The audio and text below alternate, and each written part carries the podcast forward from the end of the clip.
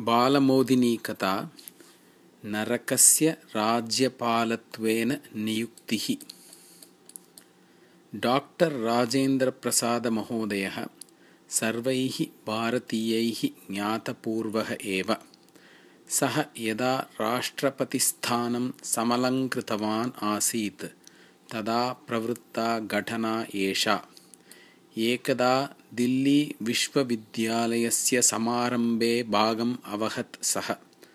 समारम्भस्तु बहु उत्तमतया जातः।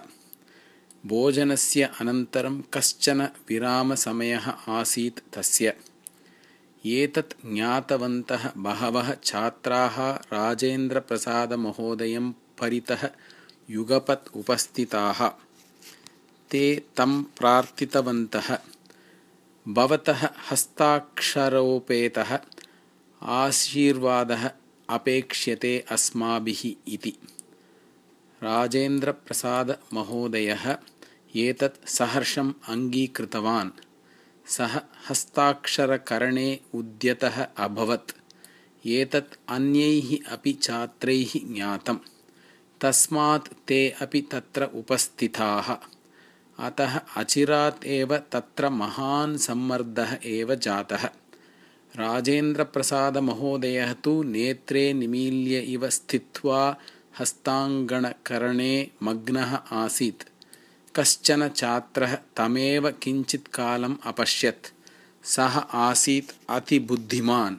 सः स्वस्य पुस्तकस्य उपरि मम सर्वकारः महता सन्तोषेण भवन्तं स्वर्गस्य राज्यपालत्वेन नियोजयति इति लिखित्वा हस्ताक्षराय तत् पुस्तकं राजेन्द्रप्रसादमहोदयाय अयच्छत्। राजेन्द्रप्रसादमहोदयः तत्र लिखितम् अपश्यत्। ततः किमपि अवदन् सः क्षणाभ्यन्तरे एव वाक्यद्वयं लिखित्वा तत् पुस्तकं तस्मै छात्राय प्रत्यर्प प्रत्यार्पयत्। छात्रः कुतूहलेन तत्र लिखितम् अपठत्। तत्र लिखितम् आसीत् मम सर्वकारः स्वर्गस्य राज्यपालत्वेन भवतः नियोजनं महता सन्तोषेण अनुमन्येत एव। किन्तु खेदस्य विषयः नाम एतावता एव बहवः जनाः एतत् स्थानम् अपेक्षमाणाः तत्र उपस्थिताः सन्ति। अतः तत्र भवन्तं नियोजयितुं नार्हामः वयं। तथापि अलं चिन्तया भवन्तं वयं नरकस्य राज्यपालत्वेन नियोजयन्तः स्मः इति। तत्र लिखितस्य पठनात् तस्य छात्रस्य मुखं विवर्णं जातम्